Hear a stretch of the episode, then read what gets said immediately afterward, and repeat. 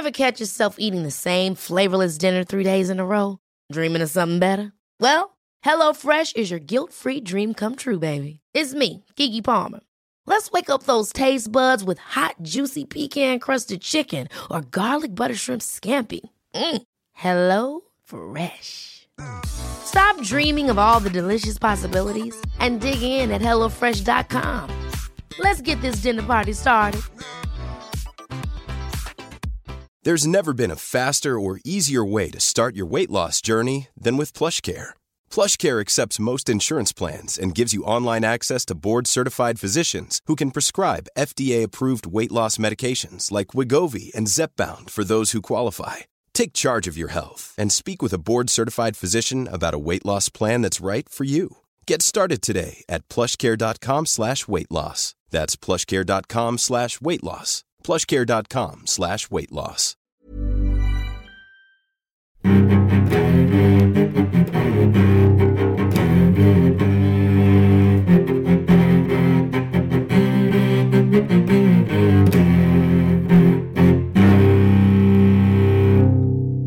CSR-podden med Åsa Stenborg och Torbjörn Olofsson.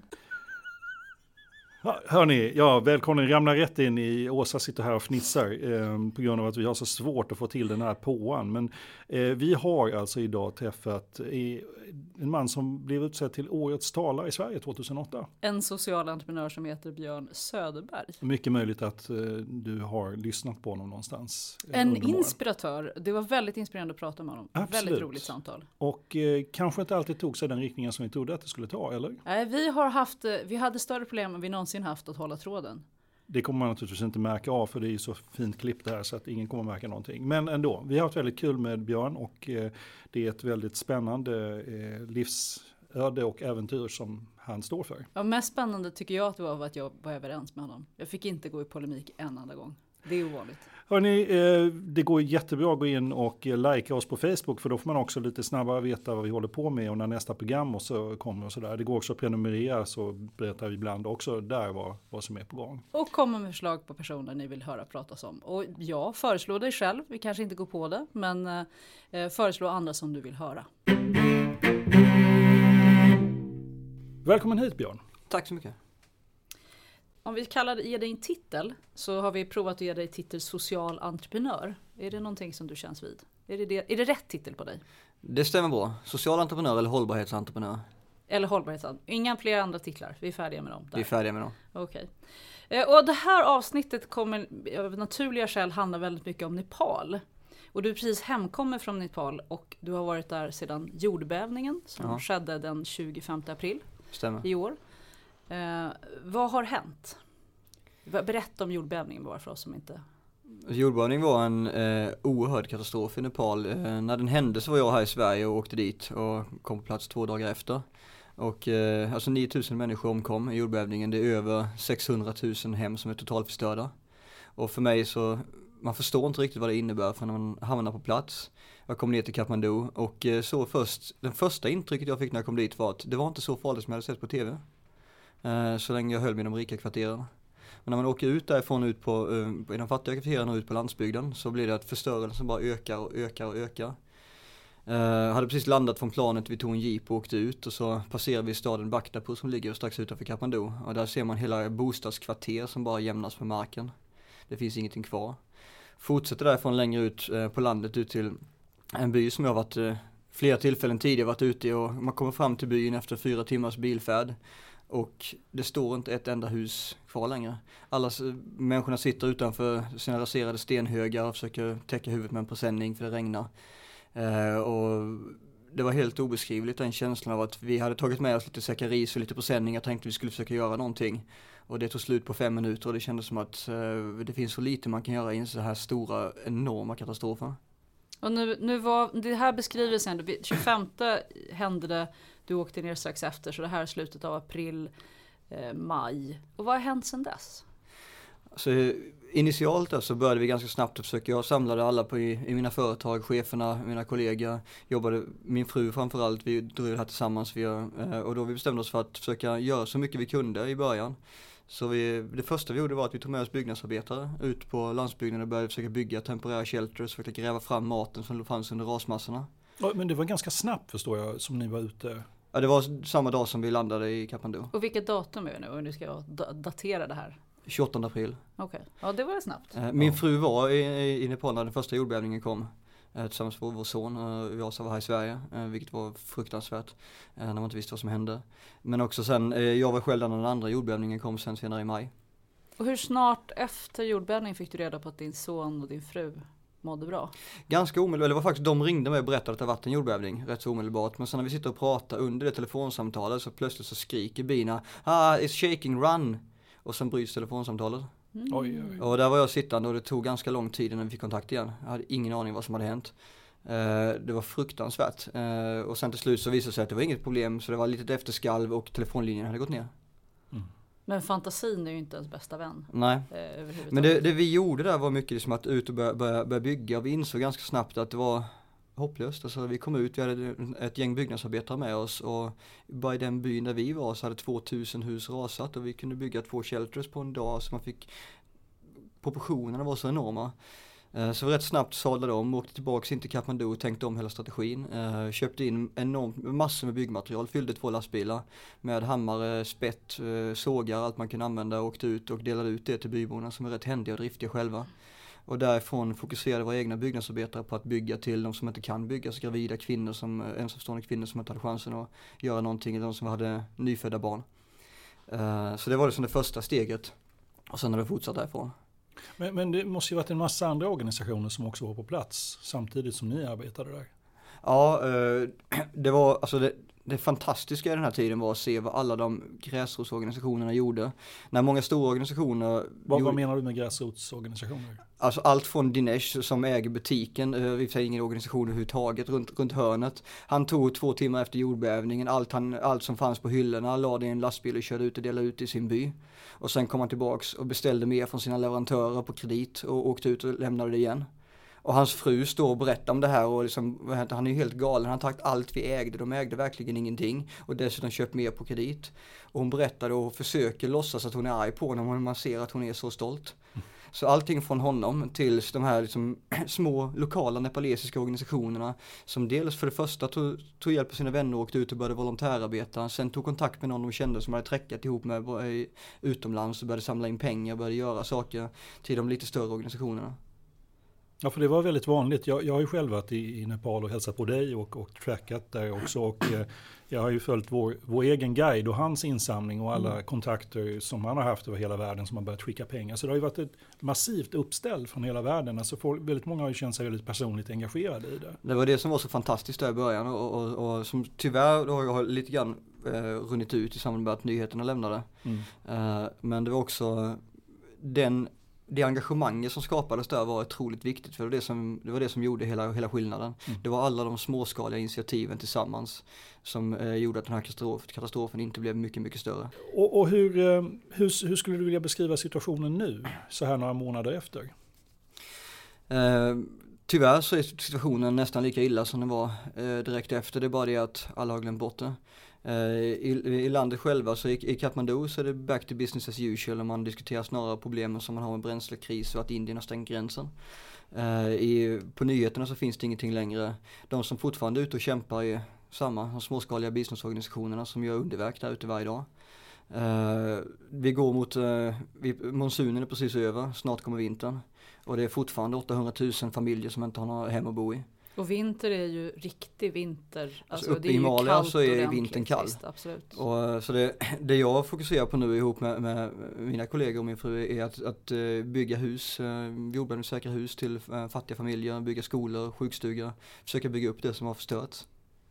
Och är det, inte, det är till och med så att du har bildat ett företag som håller på med det? Ja, vi har bildat en verksamhet som heter Build Up Nepal, så där egentligen konceptet är att eh, bygga upp eh, hus, skolor, en sjukstuga i fattiga byar. Men framförallt, ännu viktigare kanske är att göra det på ett sätt så att det, blir, så att det bekämpar fattigdomen. För att det man såg så tydligt, det som var så uppenbart när jag kom ut i de här byarna och började jobba där efter jordbävningen var att Fattigdomen är grundproblemet snarare än jordbävningen. Det var därför som de, eh, de som drabbades var de fattiga byarna, de som inte hade råd att bygga med fina, eh, fina armeringsjärn och, och, och, och de fina husen.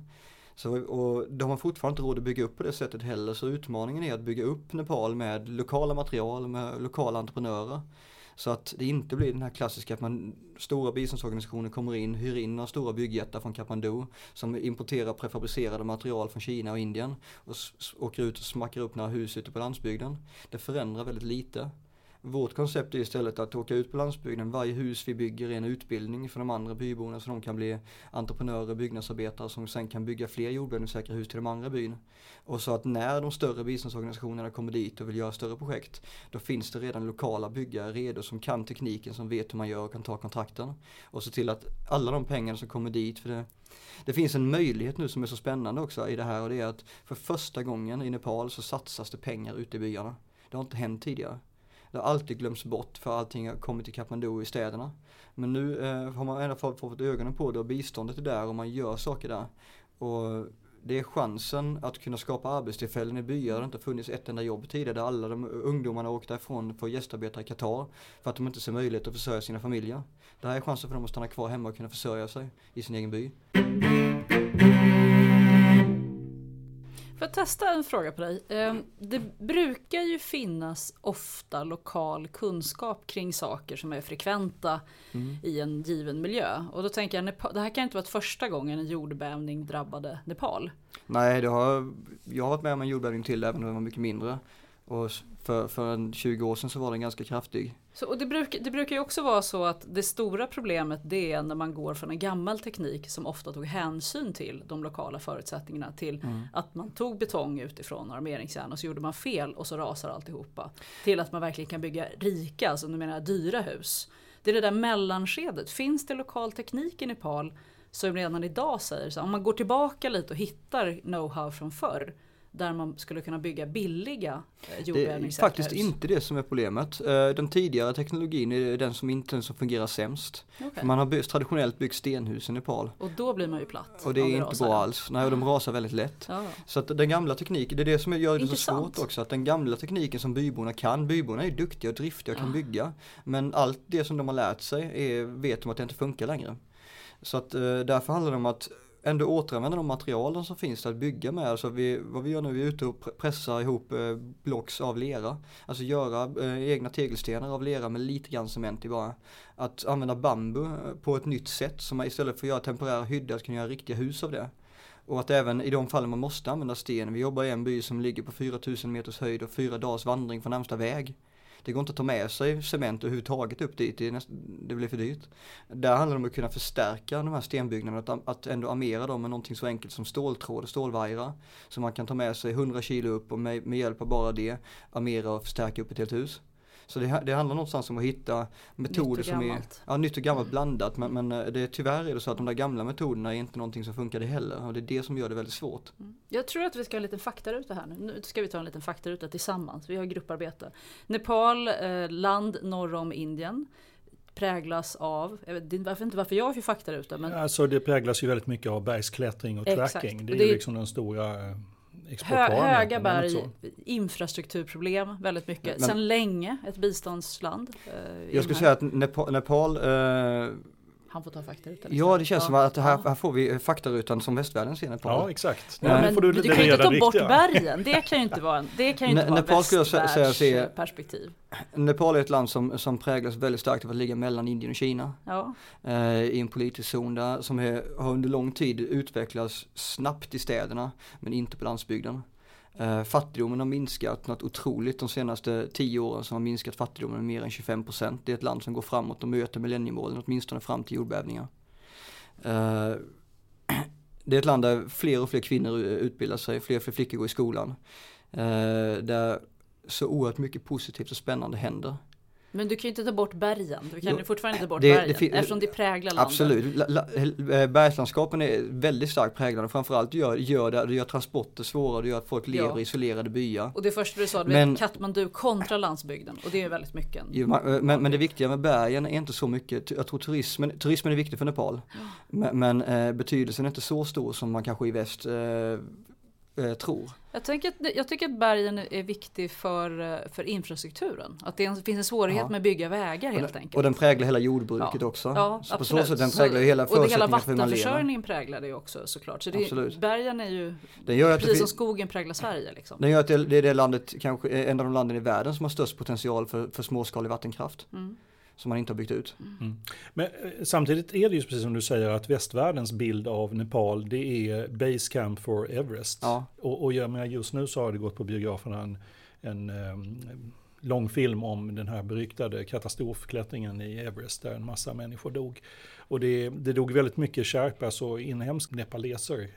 Men, men framförallt var det ju viktiga amerikaner och britter och så vidare som dog. Och det är ju de som... Det är alltid de som kommer upp på berget först. Ja, det, är de, Konstigt också.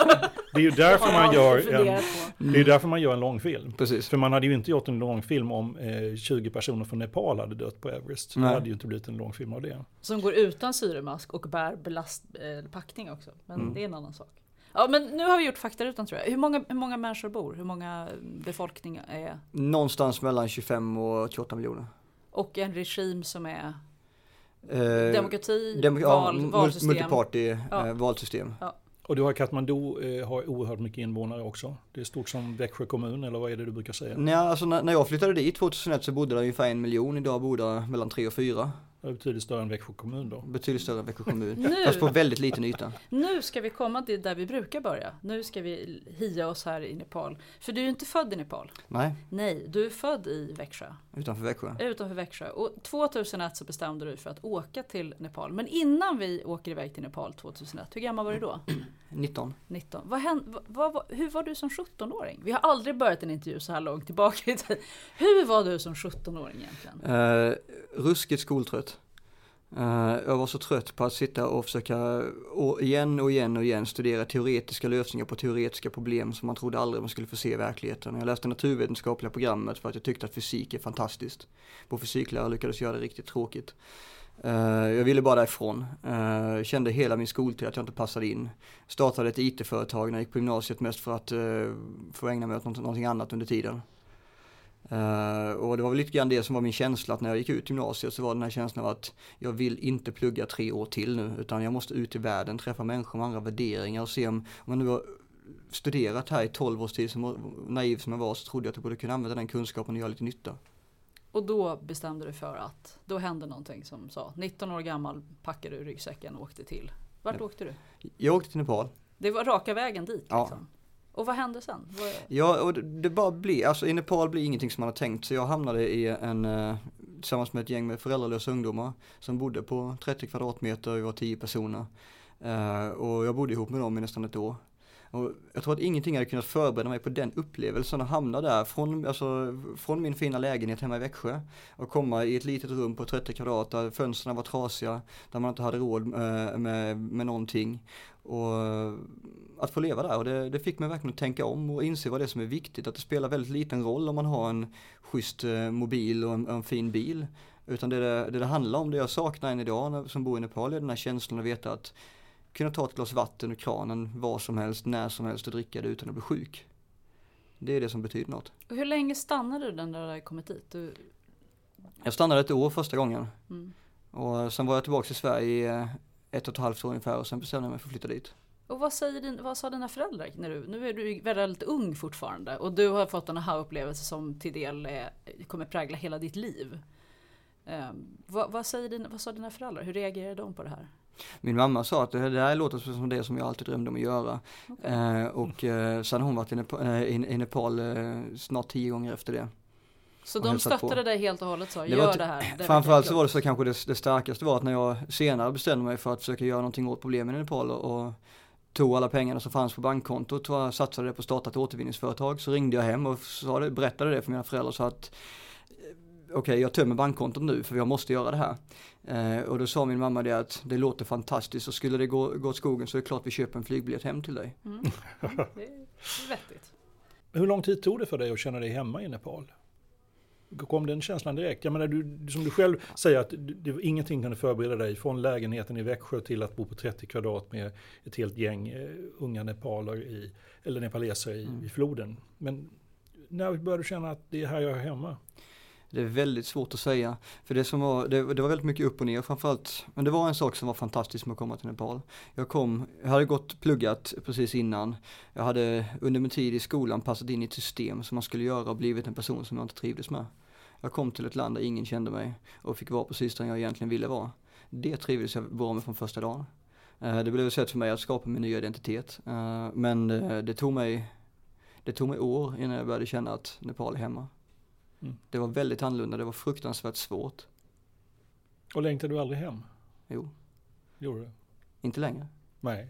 Och sen så har du ju helt etablerat dig där du har gift dig där nere. En kvinna från Nepal ja. och du har son. Och... Vi försökte flytta till Sverige också. Men, ja, eller hur? Visst gjorde ni det ganska ja, vi, nyligen? Vi, ja, vi, var för två år sedan vi flyttade hit och vi bodde här under nästan ett år och det gick inte alls bra. Varför gjorde ni det?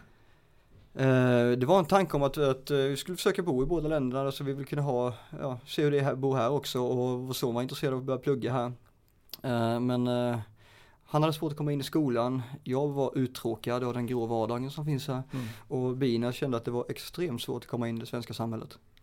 Att få gå från liksom att man är på sin, toppen i sin kar karriär till att börja om från absolut allra första början och sätta sig i skolbänken och läsa svenska.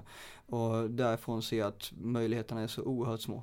Det låter ju jättemärkligt med tanke på att Stockholm slår sig för bröstet och tycker att man är en internationell stad och man klarar sig bra på engelska och det finns en massa internationella företag etablerade här och så. Ja, då ska man jämföra med en sak. När jag landade i Nepal så var det så att efter en vecka så hade jag tio vänner som hade bjudit in mig i sitt hem, som hade de- eh, låtit mig dela deras säng för det fanns bara tre sängar. Eh, och som eh, fem av dem lärde mig, mig eh, Nepal i utbyte mot att jag lärde dem engelska. Och eh, ytterligare en vecka senare, efter två veckor, så hade jag fått min första heltidsjobb. Så gick integrationen till i Nepal. Mm. Jag tror inte de flesta som kommer hit från utomlands till, till Stockholm har riktigt samma upplevelse av det. Och sen landade ju du med en status hudfärg medan hon landade med en icke status hudfärg. Precis. Så du måste ju se det för att om en nepales kommer till Nepal så får man ju inte samma mottagning. Nej. Eller om en indier kommer till Nepal så kommer inte nepaleserna bara åh hurra det kom en indier hit. Nej, precis. Så det, det var ju ett privilegierat sits du ja. hade. Men klart. det är ju precis raka motsatsen som de flesta som kommer hit har. Ja absolut. Det är det som är grejen. Eh, pratar du flytande? Nej. Hur, hur stapplig är du? Alltså jag tar mig fram, jag jobbar på Nepali men, men jag klarar inte en, ett löneutvecklingssamtal. Okay. Så vem gör de åt dig? Eller gör de på engelska? Eh, det är lite olika. Jag har drivit IT-företag och där kör man det på engelska. Där gör vi allting på engelska. Men när jag är ute och jobbar och bygger hus eller i återvinningsverksamheten så är det på Nepal. Och då, då gör jag det mycket tillsammans med Bina, min fru. Vi driver företagen ihop. Eh, och med andra managers som jag jobbar ihop med. Du, nu har du ju nämnt lite olika företag. Du sa att du startade ett, ett återvinningsföretag och så säger du att du jobbar med IT. Hur många företag har du egentligen? Eh, alltså jag har fyra företag som jag driver aktivt idag. Jag har startat nio. Eh, de har gått olika bra. En del har varit totala katastrofer. Mm. Det gillar vi, vi pratar mycket om misslyckanden här. Så vi, vi, ska komma, vi ska komma tillbaka till det, det känner jag, det måste vi frossa i. Men, men eh, berätta lite mer om de som är levande och aktiva, de fyra bolagen. Mm. Uh, där jag lägger min största fokus just nu, det är företaget Buildup Nepal som jag berättade om tidigare här, som handlar om att återuppbyggnaden i Nepal. För det känns som det absolut viktigaste och mest aktuella just nu. Uh, sen så driver jag som heter Fair Enterprise Network. Här är ett svenskt företag där jag jobbar här med som hållbarhetsentreprenör eller CSR-entreprenör. Och det handlar om att få svenska företag att förstå hur man kan hitta kombinationer av hållbart lönsamt. Hur man kan få in hållbarhet och bli en del av affärsverksamheten och faktiskt börja tjäna pengar på det. Mm, det ska vi prata mer om. Uh, sen då så har jag ett IT-företag, Websearch, som jag startade 2005. Där målsättningen är, eller vi, vi är ett team på 25 utvecklare, programmerare i Nepal. Och uh, så har vi projektledningar i Sverige. Det vi gör egentligen är att vi bygger webb och mobila lösningar som bidrar till ett hållbart samhälle.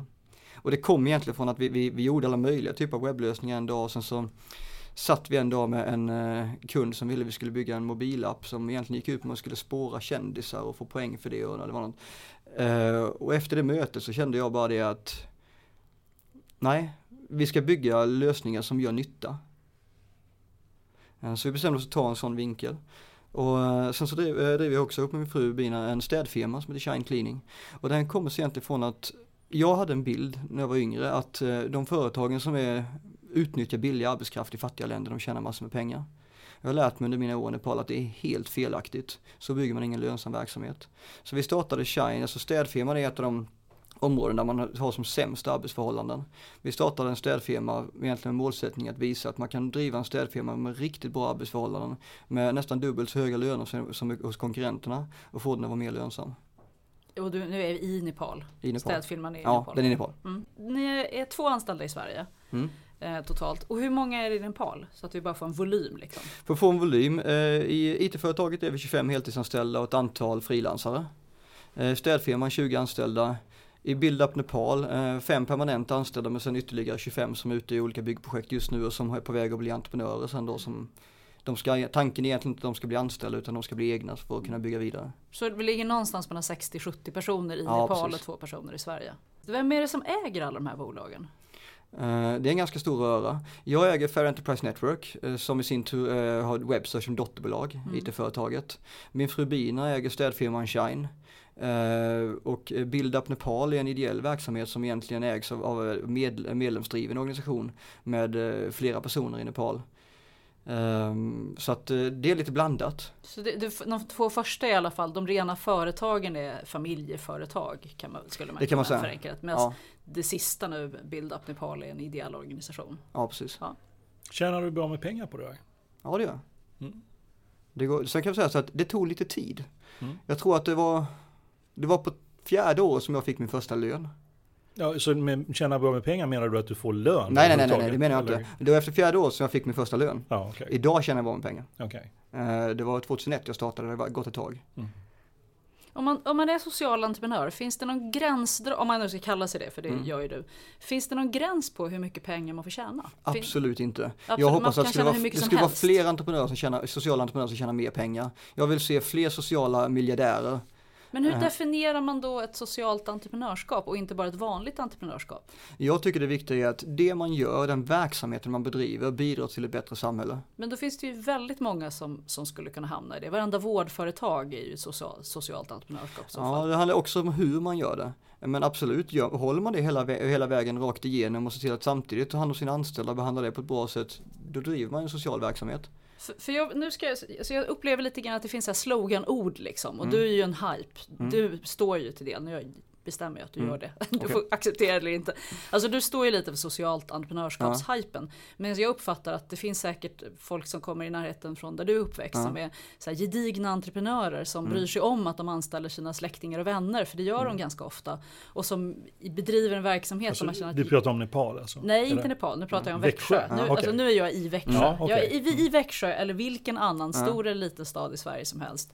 Där man har en små entreprenör, en liten entreprenör som förstår att det jag gör ger effekter i min när, närbygd. Ja. Man gör saker som man är passionerad kring, som man också granskar utifrån en sorts samvete för att jag ska även prata med min granne om vad jag gör för Precis. någonting. Och de är ju extremt sociala entreprenörer. Absolut. Så det är fler sådana vi behöver. Vad är då hypen liksom? Varför behöver vi en hype när vi redan har så himla bra entreprenörer i Sverige?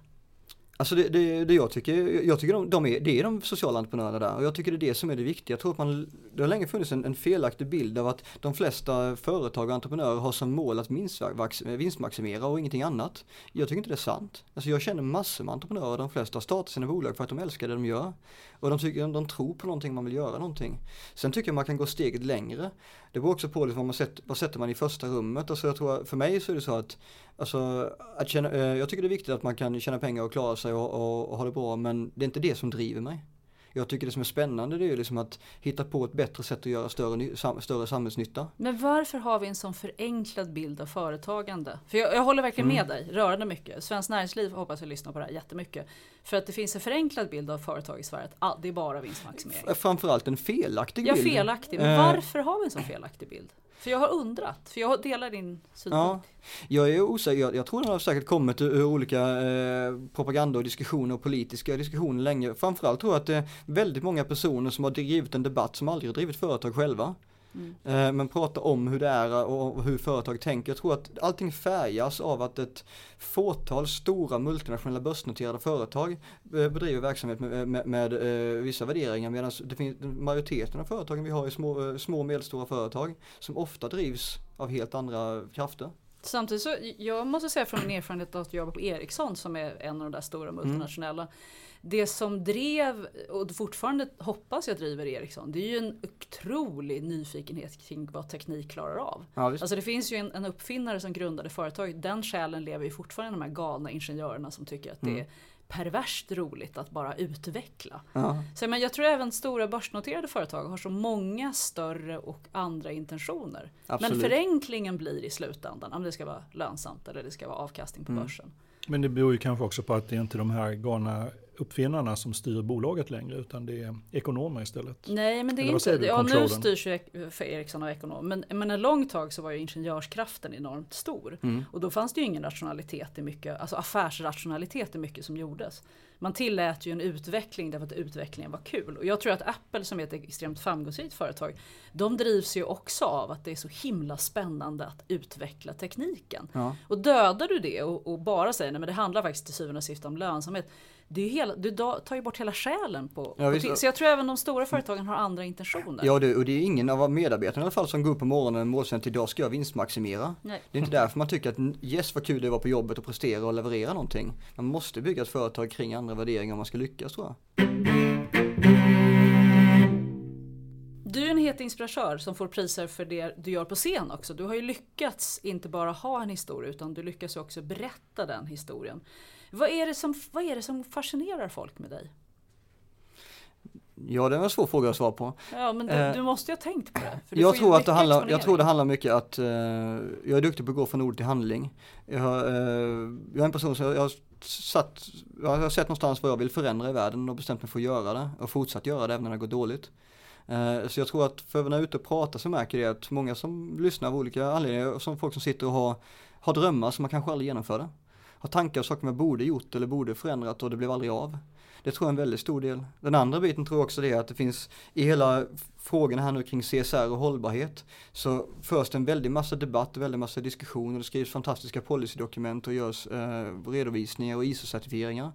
Men jag tror det man letar efter mycket också är att ja, men, göra det praktiskt få, få ner det på liksom den, den mest basala nivån. Hur, hur, gör man det här liksom i, i grunden? Och jag är när jag är ute och pratar om det här så jag är inte den som kan prata om de stora eh, strategierna och hur man ska lägga upp det här på ett smidigt sätt och hitta en modell på det. Utan jag berättar om så här gjorde vi, så här tänkte vi och hur kan man applicera det, liknande tankesätt i era företag.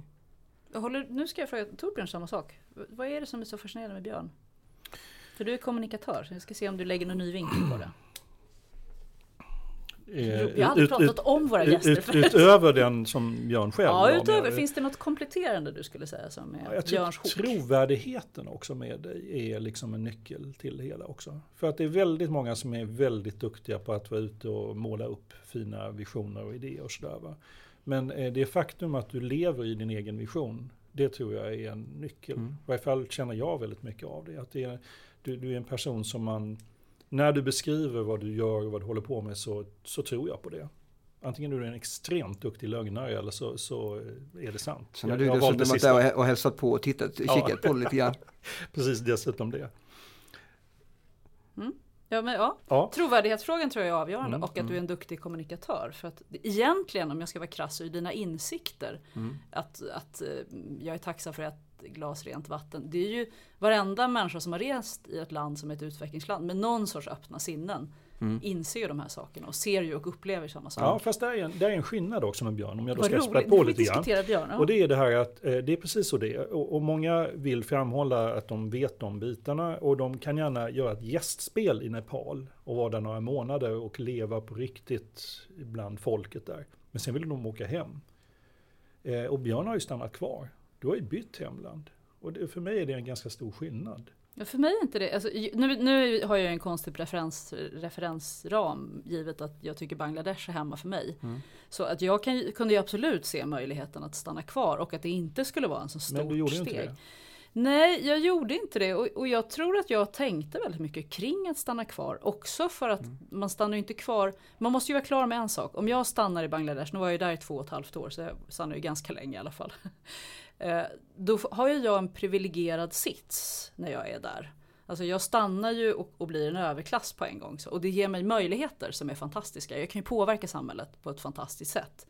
Men, men det är inte en på intet sätt en sämre tillvaro. Eh, det är en annorlunda tillvaro på alla sätt. Och sen tror jag om man blir personlig så är det ju mer att eh, jag inte hann skaffa familj där. Alltså många gifter sig och stannar. Ja, Medan jag, för mig var det faktiskt att komma hem till familjen. Jag skaffade alltså. familj i Nepal sex år senare. Så att, men för mig, vad, vad jag tror det handlar om mycket där är uh, jag tror det handlar om en annan grej också, för det handlar om precis den här insikten, den tror man känner igen. När man varit ute och rest har man sett, alltså alla som har kommit till Nepal har sagt det att det är så smutsigt ner i floden, man borde återvinna någonting. Mm. Jag tror skillnaden är just det att vad jag är duktig på är att gå från tanke till handling. Att... Here's a cool fact. A crocodile can't stick out its tongue. Another cool fact, you can get short-term health insurance for a month or just under a year in some states. United Healthcare short term insurance plans are designed for people who are between jobs, coming off their parents' plan, or turning a side hustle into a full time gig. Underwritten by Golden Rule Insurance Company, they offer flexible, budget friendly coverage with access to a nationwide network of doctors and hospitals. Get more cool facts about United Healthcare short term plans at uh1.com. It's that time of the year. Your vacation is coming up. You can already hear the beach waves, feel the warm breeze relax, and think about work. You really, really want it all to work out while you're away. Monday.com gives you and the team that peace of mind. When all work is on one platform and everyone's in sync, things just flow wherever you are. Tap the banner to go to Monday.com. Many of us have those stubborn pounds that seem impossible to lose, no matter how good we eat or how hard we work out. My solution is PlushCare PlushCare is a leading telehealth provider with doctors who are there for you day and night to partner with you in your weight loss journey. They can prescribe FDA-approved weight loss medications like Wagovi and Zepbound for those who qualify. Plus, they accept most insurance plans. To get started, visit plushcare.com slash weight loss. That's plushcare.com slash weight loss. Genomföra det. Men det finns ju, där, om vi nu går ner i biståndsträsket lite, för det är mm. lite där vi är. Där jobbade jag för en biståndsorganisation mm. och då var det ju också att gå från tanke till handling. Att säga vi förstår att det är så här, nu gör vi det. Men då gjorde man det inom ramen för ett biståndsarbete eller ett entreprenörskap. För många biståndsorganisationer har ju starka inslag av entreprenörskap. Absolut. Varenda mikrokredit är ju en minibank som mm. tjänar jättemycket pengar. Så jag menar, det finns ju starkt, men man har aldrig marknadsfört det som kommersiellt. Utan det måste fortfarande heta bistånd. Mm. Eller om vi tittar på fairtradade kläder. Mm. Jag jobbade väldigt mycket med, med tillverkning av kläder och textilier. Det handlade ju om att, att med ett entreprenörskap lösa ett problem. Det. Men det hette fortfarande inom ramen för. Ja. Det skedde fortfarande inom ramen Men för. jag tror kanske det kan vara det som är en del av det hela också. För jag tror att det som Alltså om jag bara hade varit ute och berättat min historia så tror jag inte att intresset hade varit så stort eller varit så länge. Utan jag tror det handlar mycket om det här att när jag är ute och pratar med företag så handlar det mycket om det att men, okay, vi har byggt de här verksamheterna i Nepal på det här sättet, med de här principerna. Men sen är den riktiga frågan, hur kan ni applicera det här i er verksamhet? Det är den som är den viktiga. Att för, för att skapa inspiration för att man sen ska vända sig inåt och fundera på att vad ska vi göra här hemma där vi är i vår verksamhet, i vår verklighet. Mm, mm. Jag tror att det häftiga med dig är att du vågade gå off-grid. Det tror jag är faktiskt. Det här att du bestämde mm. dig för att, att uh, göra det. Att du, du realiserade en dröm. Och jag tror att de flesta som hör dig, och du har ett enormt engagemang och en utstrålning när du berättar din historia också. Det är roligt att vi pratar om en gäst. Mm. Jag vill bara säga det. Det här har vi aldrig gjort förut. okay. Jag vill bara säga det. Men, men du, har, du vågade säga, jag drömde om det här så gjorde jag det. Så jag håller mm. med, steget mellan, jag hade en dröm, jag gjorde drömmen. Mm. Det tror jag faller hem hos alla. Jag tror varenda en som lyssnar på dig i publiken tänker, det där var ju min dröm. Shit varför gjorde jag inte det? Ja. Liksom. Och jag, jag tog lite, risken lite grann. Jag tror lite grann när man tittar på det här med, med, med, med facit, visste vad som hände där i början så var det egentligen, alltså det var helt, det var helt crazy om man tittar på, på det på pappret. Liksom. Alltså, jag såg att det var för mycket skräp och bestämde mig för att jag startade ett återvinningsföretag, anställde de som bor här i närheten, kvinnor, föräldralösa, lågkastiga. Och så försöker vi återvinna papper och göra julkort och det och sälja det i Sverige och vi visste inte hur man återvann papper. Eh, vi satte igång det på två månader och en dag så satt jag där, jag hade 19 år gammal, jag hade eh, åtta anställda och som frågade vad ska vi göra nu och trodde att vi skulle, ja, att jag hade en plan. Det hade jag inte, alltså jag hade bara kommit till Nepal och hamnat där och eh, råkat dra igång någonting för jag tyckte det var viktigt och hade inte tänkt längre än så. Men så på något sätt så lyckades vi få det där att fortsätta och jag tror också det var de här att de insikter som jag kom till där på vägen blev väldigt viktiga liksom att eh, den största och viktigaste insikten för mig som fick, jag tror också det var en av de sakerna som fick mig att stanna och jobba längre. Det var just att jag satte igång det här och sen så, när jag varit igång ett tag så började jag skriva anställningskontrakt. Och det var då jag upptäckte att de flesta av mina anställda kunde inte läsa och skriva. Och menar, det är en sak, när man, det är klart att det visste jag väl på en nivå kanske innan, men att verkligen förstå vad det innebär att kunna läsa och skriva när man kan, ska skriva på ett kontrakt där man kan lura de här tjejerna till vad som helst. Det kändes fruktansvärt så vi anställde en lärare som kom dit varje morgon och lärde alla läsa och skriva. Och eh, sen tänkte jag mycket mer på det, det kostade mig 150 kronor i månaden. Uh, aldrig tjänat mycket pengar på någonting för det effektiviserade verksamheten att kunna gå från muntliga till skriftliga instruktioner. Det var helt otroligt, inget datasystem kan jämföra sig med den effektiviseringen. Uh, från att det var missförstånd och misskommunikation och problem hela tiden så hade alla samma bild av vad de skulle göra. Och det var det som fick mig att fatta, för att fram tills dess, jag alltid, jag växte upp ändå i en familj där man får lära sig att det är klart man köper mellanmjölken trots att den är ett par kronor dyrare. Eller så, den ekologiska mjölken trots att den är ett par kronor dyrare. Men den är ett par kronor dyrare och, och hållbart är alltid lite dyrare. Det var då jag fattade att det är inte så. Nej, Gör man det här på rätt sätt så, så är det lönsamt att jobba hållbart. Mm.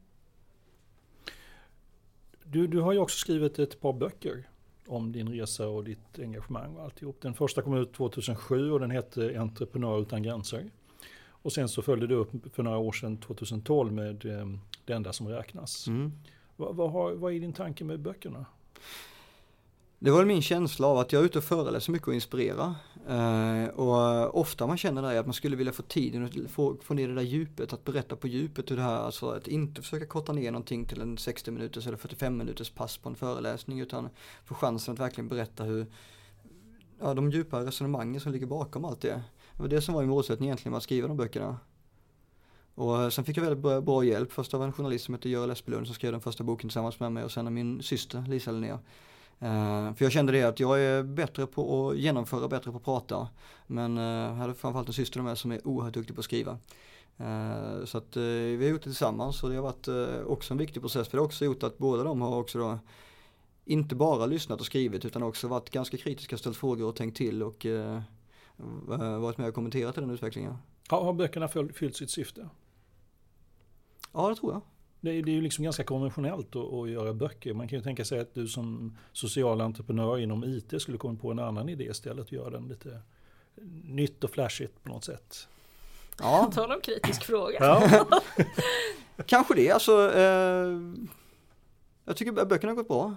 Uh, det har kommit ut till många och det har gett en bra effekt. Jag tror alltså, jag är själv en person som älskar att läsa. Jag tror fortfarande man, man läser mycket böcker även om uh, som webben fyller ett helt annat syfte. Och det är klart liksom att vi, vi kommunicerar på Facebook också liksom och, och det funkar skitbra men det, det, det når på ett annat sätt. Det är inte alls man får inte samma djup i det vi lägger ut på vår Facebook som det som man har lyckats beskriva och förklara i en genomtänkt bok. För i klassisk medieteori så är det ju så att böcker har ju faktiskt förmåga att förändra folks tänkande. Medan väldigt mycket av den löpande kommunikationen i media och så bara förstärker åsikter och attityder mm. som finns egentligen. Är det så? Ja. Jaha, ja. Man brukar hävda det så klassiskt. Sen är frågan om, om, man verkligen, om det står kvar fortfarande. Ja.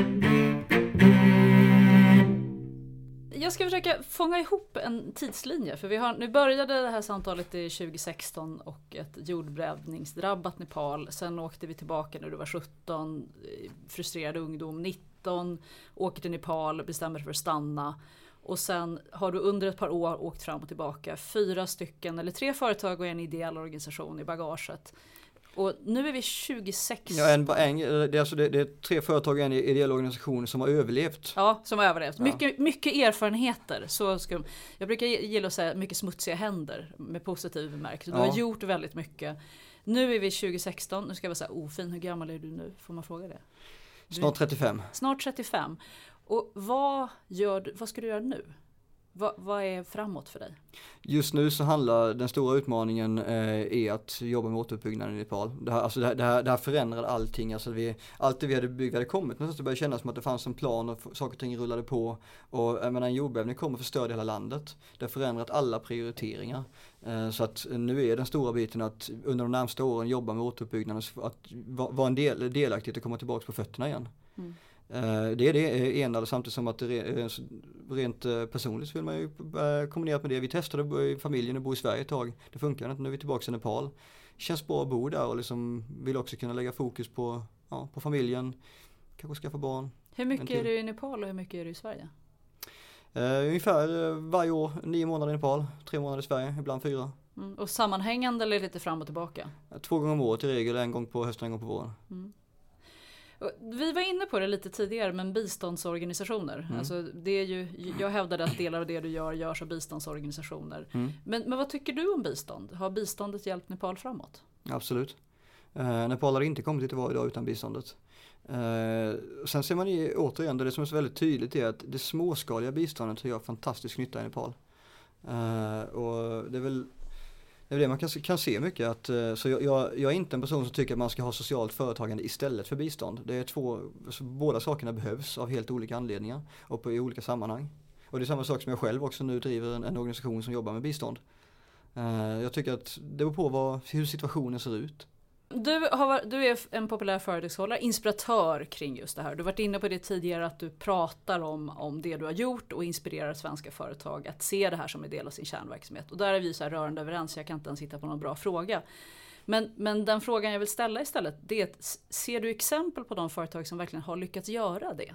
Finns det tänket, det vill säga jag förstår att min kärnverksamhet är det viktiga i det jag gör. Har du några sådana exempel? Du säger, ja, de gör det. Det, det, finns det många. Eh, framförallt skulle jag säga, säga det att um, de allra bästa är ju de som egentligen inte ställde sig den frågan egentligen utan det var självklart att man redan från början byggde upp ett företag som, som gjorde nytta i samhället och där, där man, bodde. Att det var därför man, alltså, det har varit med där från, från grunden. Men sen tror jag att det är fler och fler idag som inser att ska vi kunna, eh, ska vi driva ett bra företag framåt så handlar det om att hitta kombinationen. Det handlar om att hitta det som vi gör i affären i sig, både hållbar och lönsam. Mm. Och där tycker jag är att man alldeles för lätt så fastnar man i diskussionen vad gör de största företagen i, i, Sverige. Det är ofta de det fokuseras på. Jag tycker de medelstora företagen är ofta mycket, mycket mer spännande. Kan du namedroppa något som du tycker, okay. de här ska vi hylla? Jag träffade nyligen Härjedals kök. Mm. Eh, fantastiskt eh, bolag som har som koncept att istället för att eh, riva ut eh, hela köket och sätta upp ett nytt så byter vi eh, köksluckorna, tar hand om det gamla och bara, bara gör en, en del av en, en eh, här, renovering istället för att sliter bort allt gammalt material.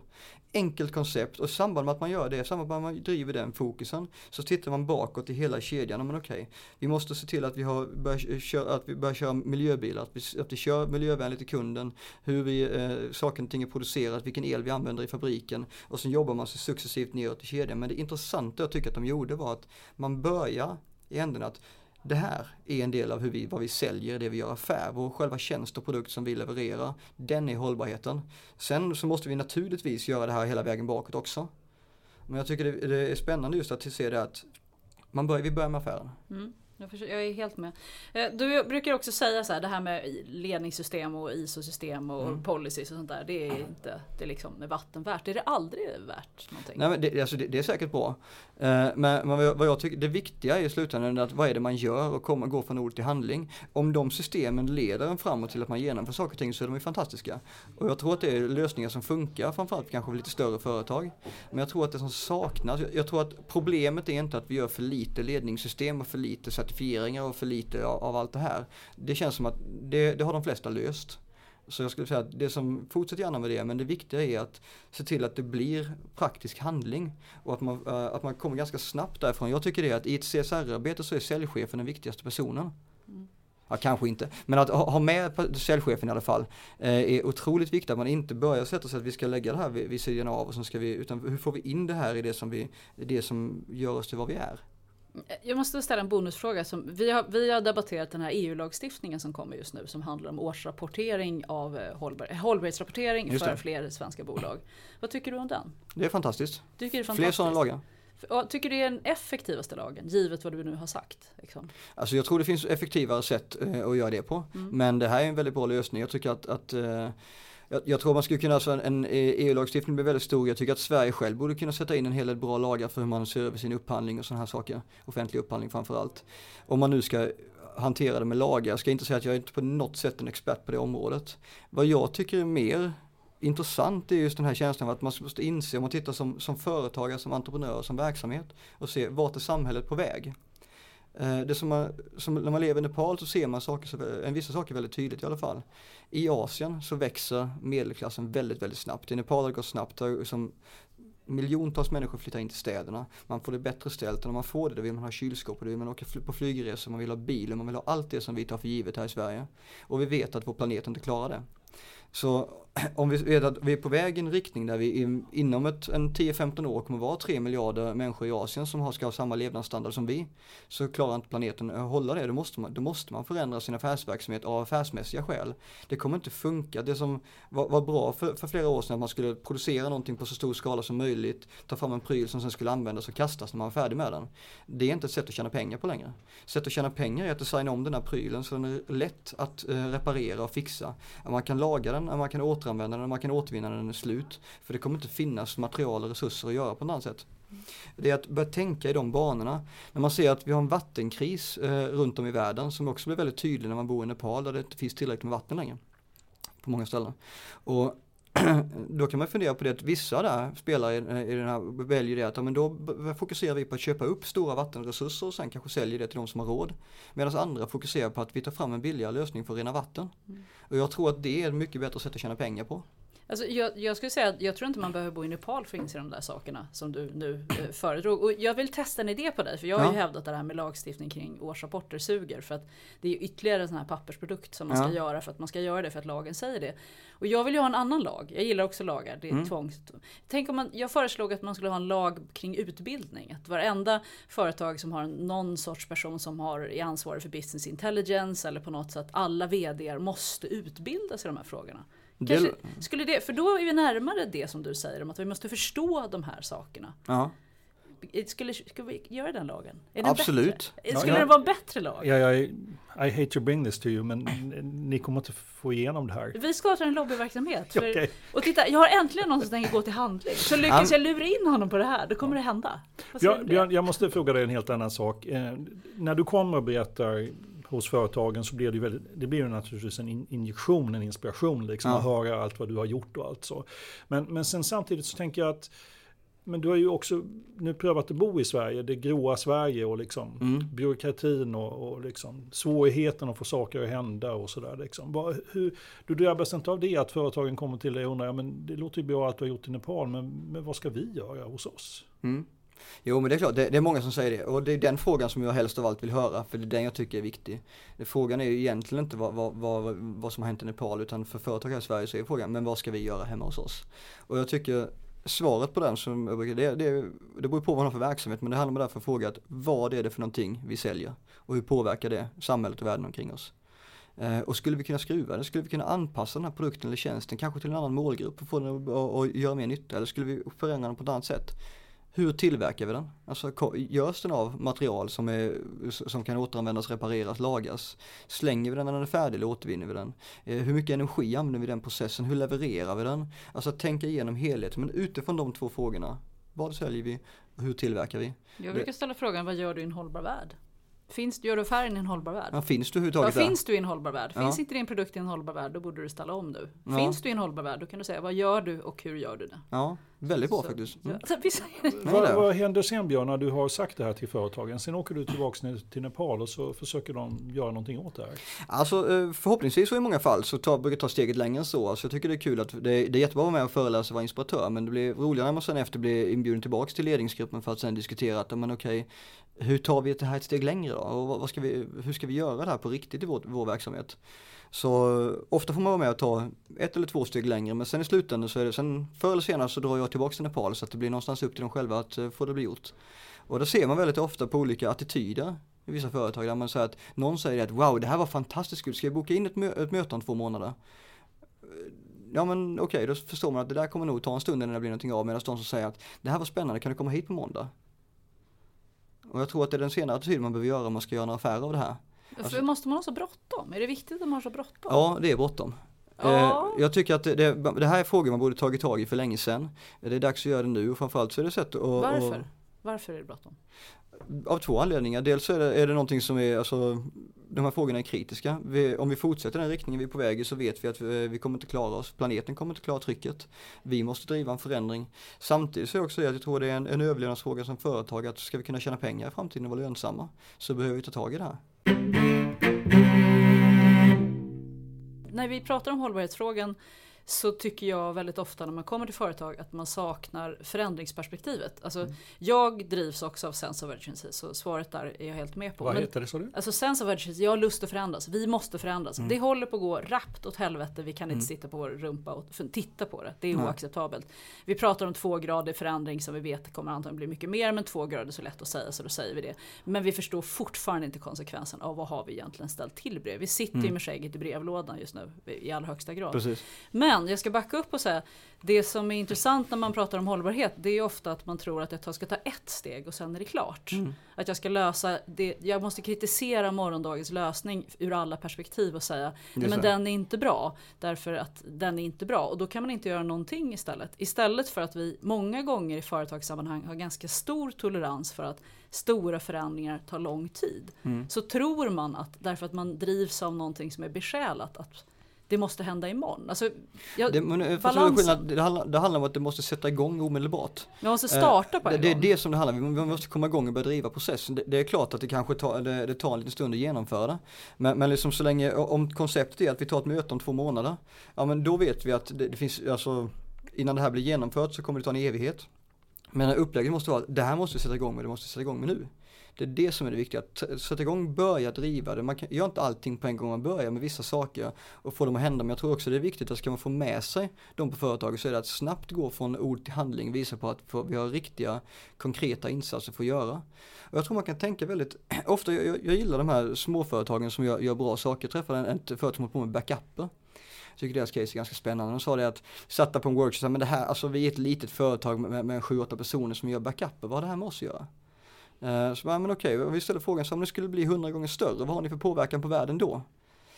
Ja, så det, problemet är att vi skulle behöva ganska mycket hårdvara och rätt mycket kylning till den och som behöver vi uppgradera ganska ofta och det blir fler och mer och mer som backas upp så i slutändan så det skulle inte vara så bra. Nej, så behöver man titta på det att en av de frågorna som jag tycker är spännande så är det att man ifrågasätter sin affärsmodell. Kanske problem, alltså backup i sig är ju en bra lösning, den behövs. Det är ingenting som, vi kan, som, är, som, som inte, inte ska vara med i det här hållbara samhället. Frågan är hur så görs den och hur tjänar vi pengar på den? Och då säger de men vi tjänar pengar på att vi säljer gigabyte.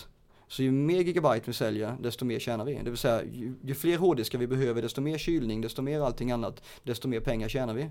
Det skulle jag säga är en icke hållbar affärsmodell. Om man vänder på den och vi började diskutera och kom fram till det att vad är det kunden vill ha? Ja, jag vill ha en backup som jag kan läsa in snabbt ifall min data skulle försvinna. Det handlar inte om 100 terabyte. Det handlar om att få tillbaka den på ett snabbt sätt. Så vi kom fram till att om man skulle vända på affärsmodellen och istället för att sälja gigabytepriser sälja det att vi gör en backup som är så liten som möjligt, smidig och snabb att läsa tillbaka för mindre backuper går snabbare att få tillbaka där man inte backar upp onödig data. Då behöver man mindre eh, hårddiskar, mindre uppgraderingar, mindre kylning, mindre energi och allting går i den andra riktningen. Och det handlar egentligen dessutom så var det, det intressantaste var att det kom fram till att men problemet med idag är att det är så jäkla pressade priser på gigabyte-lösningarna. Att det är mycket bättre att kunna ta betalt per tjänst på det sättet. Och det är väl där jag tror ofta man behöver tänka till. Mm, affärsmodellerna, för ja. det är de som låser fast ja, oss i ett koncept. Vi köper bilar, vi köper inte mobilitet. Precis, och det är det som är så konstigt för det, med det, är, det är en jättebra tjänst, det är klart vi ska ha backup. Eller, och det gäller på mycket annat. Det är de här, jag har sett flera restauranger här nu i Stockholm som jag har gått från att köra den klassiska buffén till att ja, när du sen ska fram och betala för buffén så får du väga maten. Mm. Och se att hoppsan, det blev eh, ganska dyrt ifall jag tänkte mig slänga allt det där. Att det inte någon entreprenörs, de här inkubatorerna har liksom bara låst fast dig i Sverige. För det känns ju som att om man ska göra rätt från början, alltså ska man, gör man rätt från början så blir det väldigt rätt. Och som mm. du säger, tror vi på att Sverige kommer att ha en en utveckling bland småföretagen, vilket vi måste ha, ja. så gäller det verkligen att fånga inkubatorerna. Det gäller att fånga tidiga företagen. Absolut. Är det några du jobbar mycket med? Jag jobbar ganska mycket med inkubatorer, ofta ute där som inspiratör ja. och föredragshållare. Både med inkubatorer och Ung Företagsamhet och Drivhusen och de som, de som jobbar med nyföretagande. Det är ingen av dem som har tagit ditt pass och sagt nu stannar du här nu. nu blir du livegen. Det skulle jag ha gjort om jag hade en inkubator. Ja. Eh, Björn, ja, vi börjar närma oss slutet och jag måste hinna med och, och fråga lite mer om det som du nämnde det som hastigast. Den viktigaste frågan. En av de viktigaste frågorna i CSR-podden det är ju misslyckandet. Mm. För du sa ju själv att du har startat flera företag. Jag kommer inte ihåg hur många sa du att du hade startat? Nio. Nio och det är fyra som lever. Så det, det är mer misslyckande än lyckat om man ska titta på antalet. Men mm. vad, hur ser du på det här med misslyckas? Har, har du för vad drar du för slutsatser? Vad är dina erfarenheter av det? För det första att den som person som inte har misslyckats har aldrig försökt. Sen är det det att det är lätt att säga att jo, man ska se sina misslyckanden som en lärdom. Men när man står där och det är på riktigt, alltså eh, och, och, och gör de här misslyckandena som gör riktigt ont, alltså det det första som riktigt skar mig var väl liksom när, när eh, jag hade byggt upp den här återvinningsverksamheten. Jag hade två chefer som jag satsade på som en dag skulle ta över verksamheten. Och sen komma på det med att stjäla pengar och stoppa i egen ficka. Efter att ha jobbat tillsammans i åtta år och jag hade tänkt att de en dag ska ta över verksamheten. Eh, det fick mig att gå på knäna så jag hade ingen lust att gå till jobbet. Jag ville bara lägga ner företaget egentligen. Eh, och i det läget att tänka tanken att haha, vad ska jag lära mig av det här? Mm. Är inte alls roligt men fruktansvärt viktigt. Uh, eller det är som att vid ett annat tillfälle startade en fabrik som producerar biobränsle i Nepal, uh, briketter. Med tanken att det finns en, det är en kris på både råmaterial och bränsle. Det är väldigt ont om det så vi startade upp en verksamhet som producerar briketter för att försöka ersätta ved, ersätta diesel och ersätta de här alternativen. Och vi fick faktiskt fram ett bränsle som var billigare än veden. Vilket gick fantastiskt bra, vi sålde allt vi kunde sälja, uh, eller allt vi kunde producera. Och fick problem med av både gangsters och politiken. Det blev väldigt hett och väldigt intressant. Uh, och det gick, som, det gick alldeles för långt. Vi hade personer som blev hotade. Uh, vi fick sitta stänga ner hela fabriken och sitta i, i eviga förhandlingar med gangsters och försöka få komma fram till hur vi skulle hitta en lösning. Och till slut så slutade det med att jag var tvungen att sälja fabriken till ett pris som var långt under vad vi hade köpt allting för. Jag var tvungen att avskeda de som har jobbat för mig i tio år. Uh, gick nästan i personlig konkurs på vägen. Uh, och uh, så står man där och allt jag har byggt upp så finns det ingenting kvar. Och att i det läget kunna tänka den här tanken att Ja, och hoppsan det, det är kul att misslyckas, vad ska jag lära mig på det här? Men vad lärde mm. du dig på det då? För att den, om vi tar första historien mm. med, alltså, det måste ju funnits en erfarenhet där som... Ja, det finns det, den är viktig. Det, det jag lärde mig framförallt i det där första var, var att uh, jag tror fortfarande, jag tror det är viktigt, det var fortfarande vara en person som litar på folk. Men samtidigt som man litar på folk, så ska man se till att sätta system i praktiken som gör det svårt att fuska. Som, gör, eh, som kontrollerar det, det från början på automatik. Inte för att man går runt och vara misstänksam och snoka utan bara helt enkelt göra det göra det riktigt svårt och göra att man känner att man inte, för, för det som det är en kultur också där eh, de politiska ledarna i landet har ju lärt alla andra att det är okej okay att fuska. Och att det, eh, och att, att, så därför blir, blir det ett väldigt stort problem. Och där det är lagar inte, inte finns på den styrkan som vi har här i, i Sverige.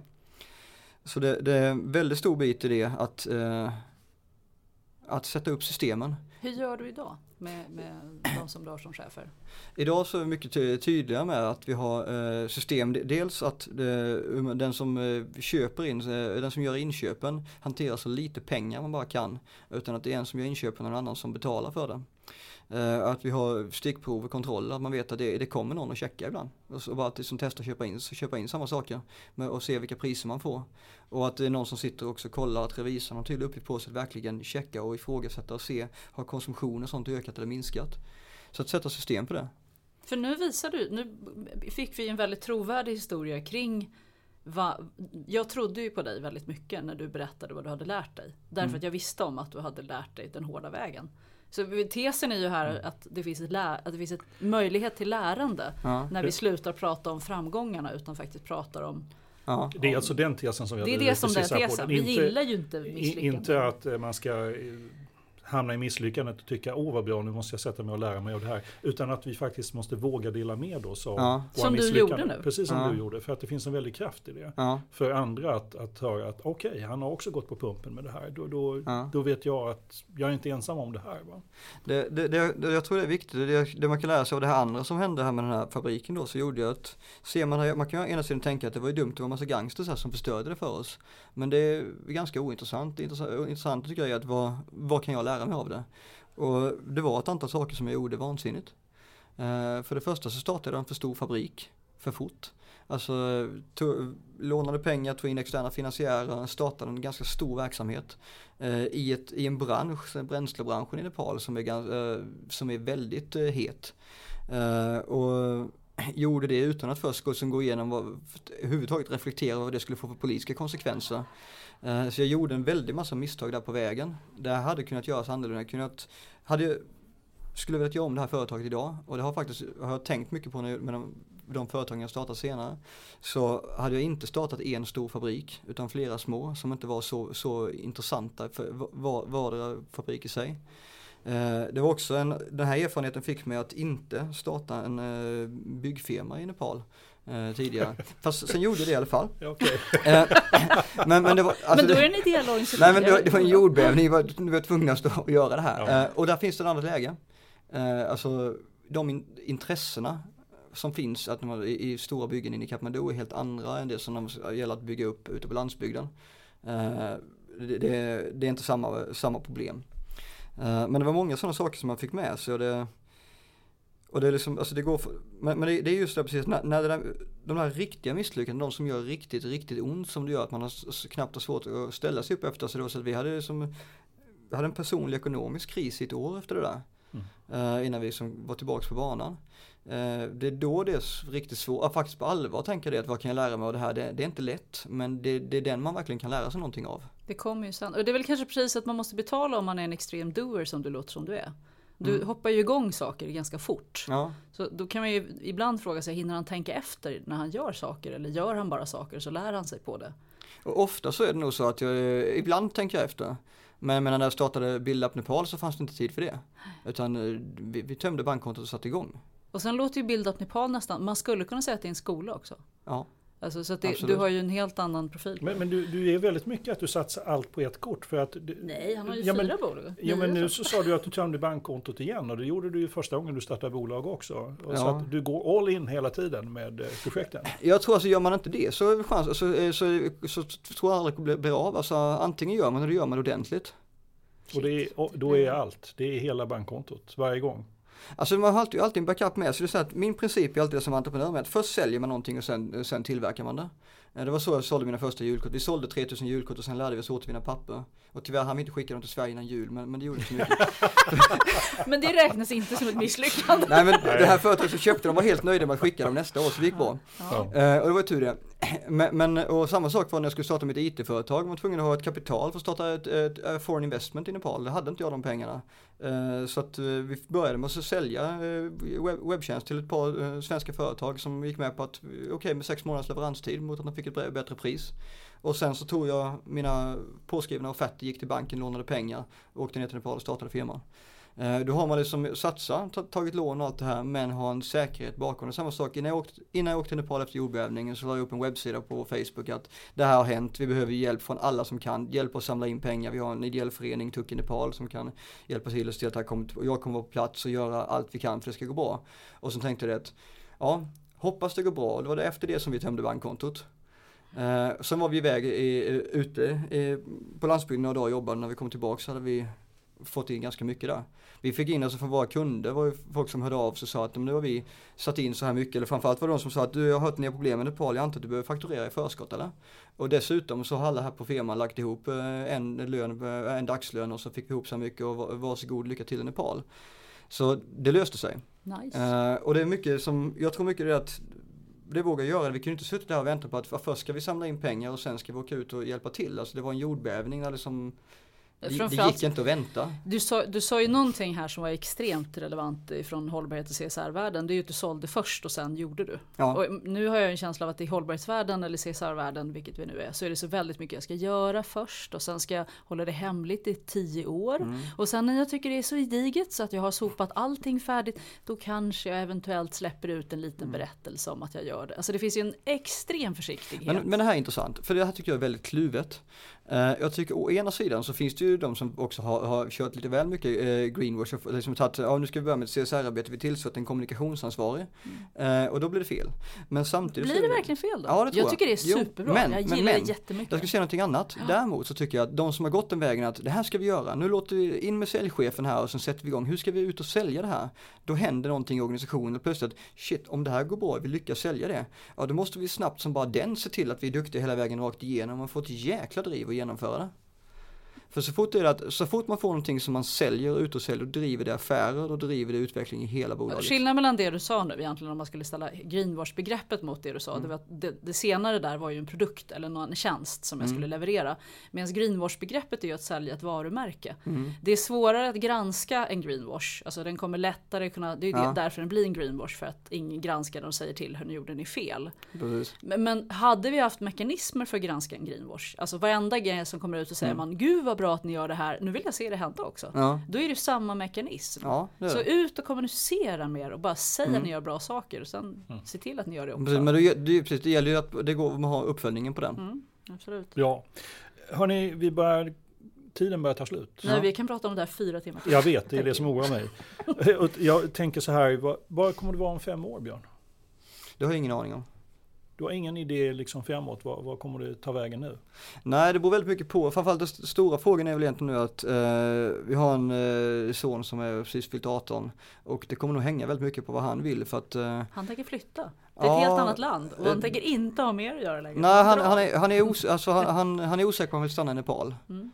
Eh, och då är frågan, oj då, om han står iväg liksom, han är förvisso 18, han kommer flytta ut liksom, men eh, jag vet inte. Jag, vi, vi kommer inte lämna Nepal helt i alla fall, men, men det kan vara att vi finns någon annanstans.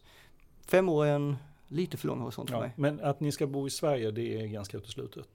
Alltså jag, jag gillar så som det är nu, att kunna komma hit några månader varje år. Jag har ändå växt upp här och har mycket från Sverige och eh, gillar att vara här ett par månader men det får inte bli 12 alltså, på ett år. Kanon. Tack, Tack för mycket. att du kom hit Björn. Tack!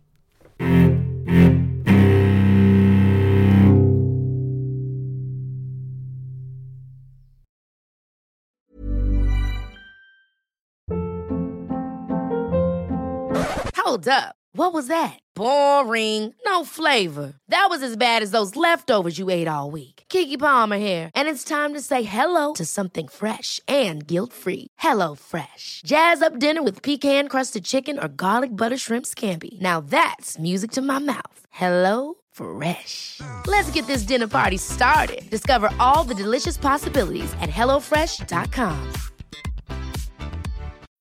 When you need mealtime inspiration, it's worth shopping Kroger, where you'll find over 30,000 mouthwatering choices that excite your inner foodie. And no matter what tasty choice you make, you'll enjoy our everyday low prices, plus extra ways to save, like digital coupons worth over $600 each week. You can also save up to $1 off per gallon at the pump with fuel points. More savings and more inspiring flavors make shopping Kroger worth it every time. Kroger, fresh for everyone. Fuel restrictions apply.